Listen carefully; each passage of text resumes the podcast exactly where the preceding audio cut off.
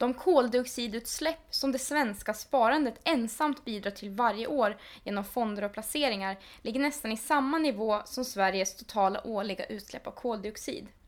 Vilken roll har egentligen det finansiella sparandet i klimat och miljöfrågan? Det ska den här poddserien handla om.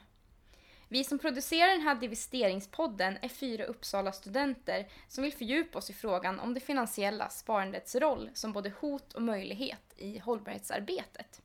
Och i podden kommer ni att höra mig, Linnea. Och mig, Ronja.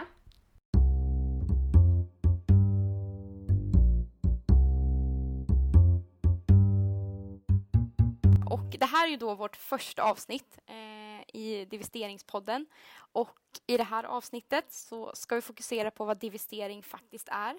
Eh, och vi får möta Christian Tengblad som är nationell samordnare för organisationen 350 som är en global miljörörelse. Eh, välkommen till oss. Tack så mycket. Och berätta mer. Vem är du och varför valde du att engagera dig eh, i 350?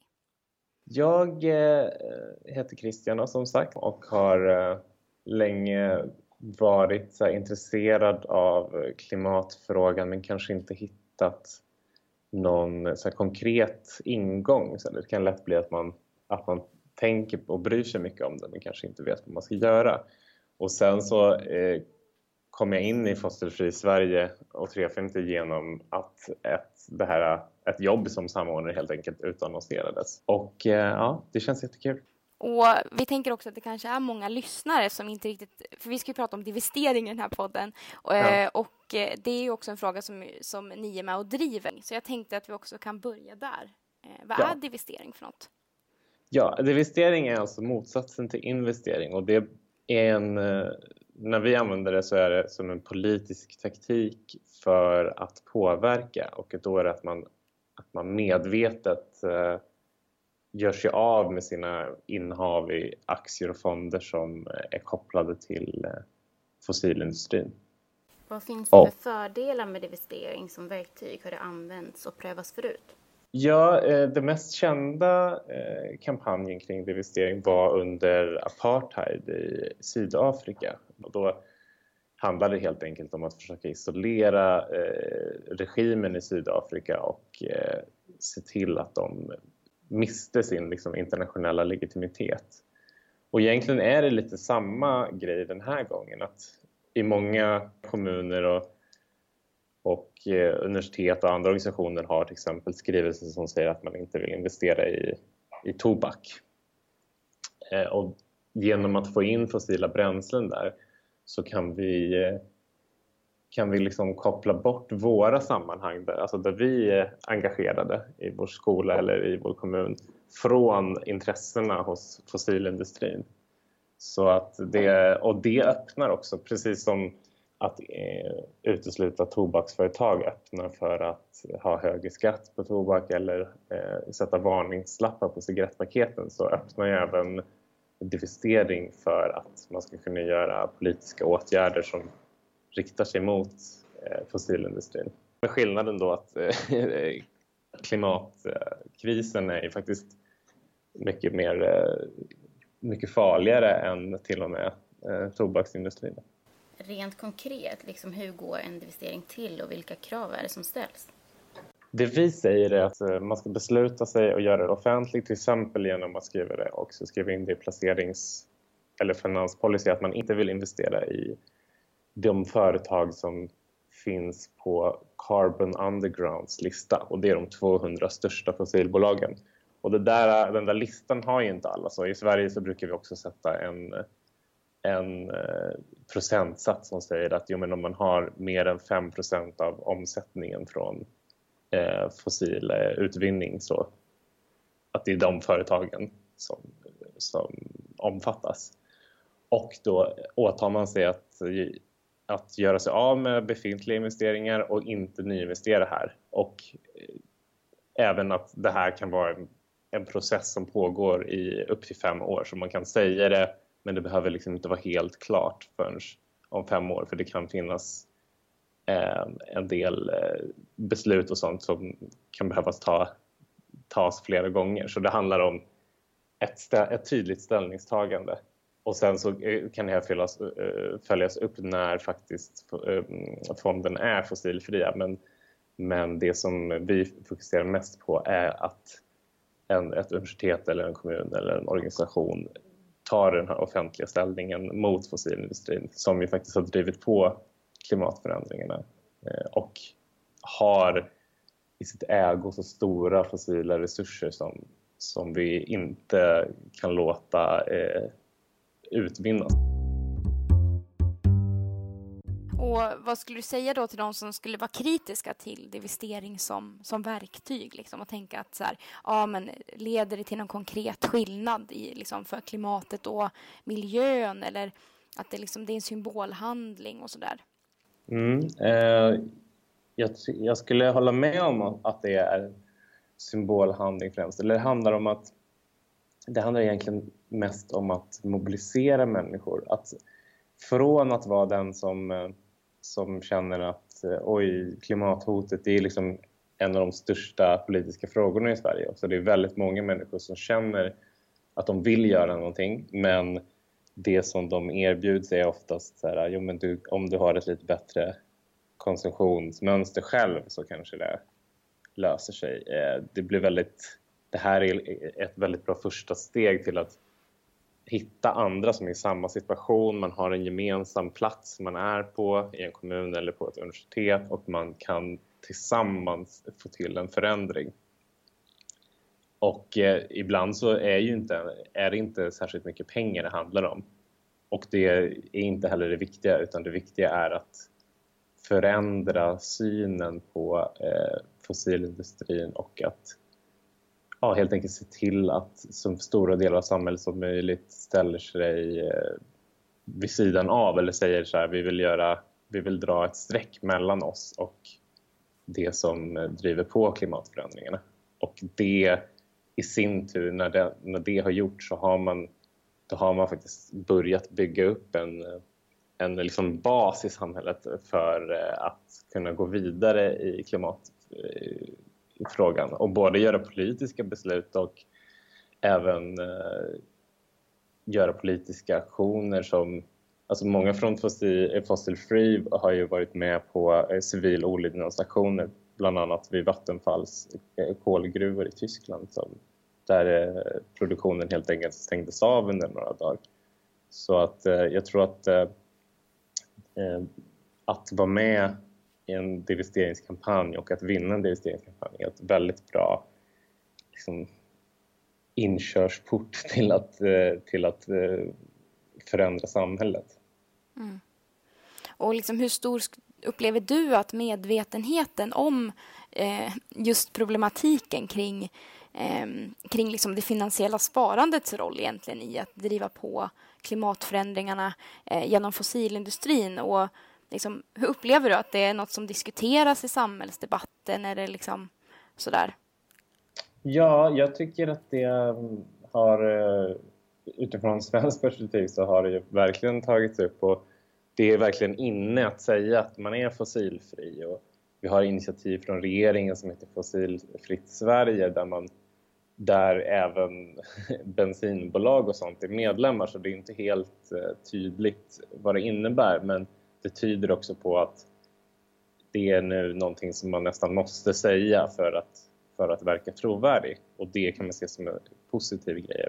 Jag tror att medvetenheten om, om vad som ligger bakom klimatförändringarna och att det fortfarande finns väldigt stora fossila resurser i världen som vi inte får gräva upp. Att den, den börjar bli allt större, delvis på grund av investeringskampanjen men också kring andra Eh, klimatfrågor som ju på ett sätt så pekar, det mesta pekar ju mot samma grej. Att så här, hur ska vi som samhälle kunna förändra oss för att undvika liksom, klimatkatastrofer och motverka global uppvärmning. Mm. Och hur lätt eller svårt liksom är idag att få information? Kanske både när ni försöker undersöka hur organisationer har placerat liksom, sitt sparande eh, men eller också så här, för individer att så här, själva eh, se vilka fonder som man, eh, som man har sitt sparande i och då ifall det finns kopplingar till fossilindustrin. Um, ja, jag tror att det är, det, är det är ganska enkelt skulle jag säga. Både och, på, för individer så är det ju så nu att det finns fonder som är eh, fossilfria som inte har funnits förut. Eh, de senaste åren har det drivits på och särskilt då när det är till exempel ett universitet eller en, ett landsting eller en kommun som vill ha det så, så drivs efterfrågan på. Liksom. Mm. Eh, så, så det har blivit bättre. Men jag skulle säga att en grej är att det här med ens eget sparande i, i de, de fall man, man har ett eget sparande eh, att det egentligen är lite mindre intressant för där finns det inte den här aspekten av att man går samman och försöker förändra eh, sin egen situation tillsammans med andra. Liksom. Och dessutom så blir det på ett universitet i en kommun så är alla lika delaktiga i en kampanj men på ett sätt med det individuella sparandet så kan det vara så att de som gör rätt är de som har mycket pengar sparade och de som mest har skulder är, inom citationstecken kan inte vara lika bra. Nej. Så att jag tror att just för, just för Fossilfritt Sverige så har vi liksom medvetet inte pratat så mycket om hur, hur människors personliga sparande ser ut utan mer försökt peka på så här, hur kan det gå ihop med andra sparare. Det finns ju en pensionsfondskampanj så, här, så att istället för att så här, byta till en bra pensionsfond så har vi varit lite mer typ se till att AP-fonderna, de stora pensionsfonderna, eh, divesterar, att de skärper sig. Att sätta politiskt tryck på dem. Jag tänker lite grann med det här att det är som en trend. Finns det risker med att det, att det kan vara liksom trendigt? Ja, det tror jag. Eh, bland annat så kan det ju vara så att, eh, nu pratar vi om AP-fonderna och pensionsfonderna, de eh, den andra AP-fonden har investerat divesterat från ganska många kolbolag och då är det kul. Men det som är grejen är där är att det, just med kol så har det varit väldigt vikande lönsamhet så att det behöver inte betyda att man har tagit ett, ett beslut som säger att vi måste ta itu med fossilindustrin för de driver på klimatförändringarna utan det kan bara vara typ den här branschen går dåligt nu så att vi satsar på vi tar bort från eh, kol och har kvar i, i gas och olja som ju också eh, har samma effekter. Och då, på det sättet så kan det bli så att det är trendigt att man liksom kopplar ihop när eh, människor bara investerar ekonomiskt i allmänhet med att man tar den här eh, tydliga ställningen mot en industri som är, som är skadlig för jorden. Så det är inte dåligt att de inte investerar i kol, men man kan det är också viktigt att, att det faktiskt är ett ställningstagande. Om vi går över till 350 som rörelse, hur ser ert arbete ut och eh, vad gör ni för att försöka påverka och uppmärksamma frågan? Vilka metoder använder ni? Hur många är ni och sådär? Ja, jag eh, skulle kanske beskriva 350.org som en organisation som försöker som är med och bygger en global klimatrörelse att 350 är inte rörelsen, men vi kanske spelar en, en, en roll där. Och eh, det ser lite olika ut på olika håll. Det finns liksom lokala grupper av 350 i till exempel i USA, men i Sverige så är ju så är 350.org är ju egentligen mest jag och det som man engagerar sig i i Fossilfri Sverige eller andra klimatorganisationer. Så att 350 har lite mer än 100 anställda runt om i världen och driver eh, på olika sätt klimatfrågan. Så devisering är ju en sak och är i fokus i Europa men på andra håll eh, där man till exempel har mycket mera klimatförändringar konkret på, på marken. Ska man säga. Att man har katastrofer som händer i Oceanien, i Indien till exempel och så där, då kan det vara att man organiserar sig för att möta, både för att stänga ner det lokala kolkraftverket och eh, ta itu med eh, klimatförändringarna där de händer. Så att där är det ju väldigt beroende av, vi har liksom gemensamma idéer och sådär men sen metoderna beror på var någonstans i världen man befinner sig skulle jag säga.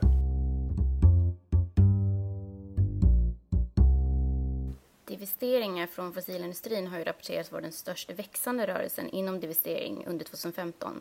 Varför tror du att det växer så stort eller fort nu? Ja, men jag tror att det är framförallt det här med att det finns en längtan efter en chans att göra någonting tillsammans med andra.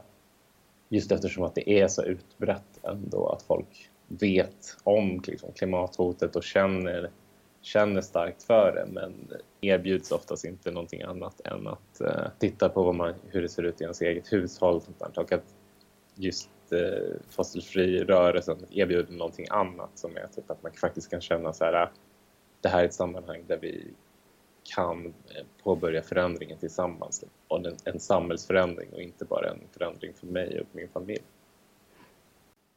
Och, jag tror att vi har förstått rätt i att just er organisation också, att det liksom har startat på universiteten just. Mm. Eh, varför tror du att det är just på universiteten som, som det har börjat?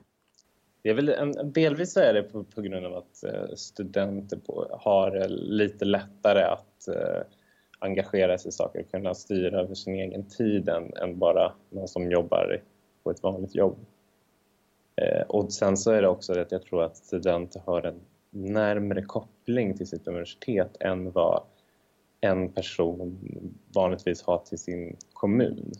Att man, att man liksom känner eh, närheten till och det är en del av ens identitet och det är väl en väldigt bra eh, Eh, början på en eh, devisteringskampanj att man, att man faktiskt eh, identifierar sig med med den institution som man vill ska divestera. Att vi som studenter och vi som anställda på universitetet vill tillsammans att det här ska hända. Det är en väldigt bra utgångspunkt som jag tror har bidragit till att det har blivit så stort just på universitet. Och liksom, om någon skulle lyssna på det här avsnittet och, och tänka liksom, oj, vad, vad kan jag som individ ändå göra eh, om jag vill engagera mig i det här eh, och göra någonting åt egentligen klimathotet? Vad ska man göra då? Eh, ja, jag skulle föreslå att man går in på fossilfree.se och sen eh, så finns det där eh, under Engagera dig så finns det både en karta över kampanjer som finns i närheten och en guide till att starta en egen fossilfri kampanj där det också finns mina kontaktuppgifter. Så att eh, jag tror att eh, det här är ett jättebra sätt att, eh, att börja att liksom kickstarta en klimatrörelse på, på en ort. Att man har en fossilfri kampanj, man får ett sammanhang, man har en namninsamling där man har kontaktuppgifter till massa personer i närheten. Och sen utifrån det så kan man fortsätta eh, att eh, fokusera på olika frågor eh, där man kan eh, få till en förändring tillsammans. Så jag tror att det är en bra utgångspunkt.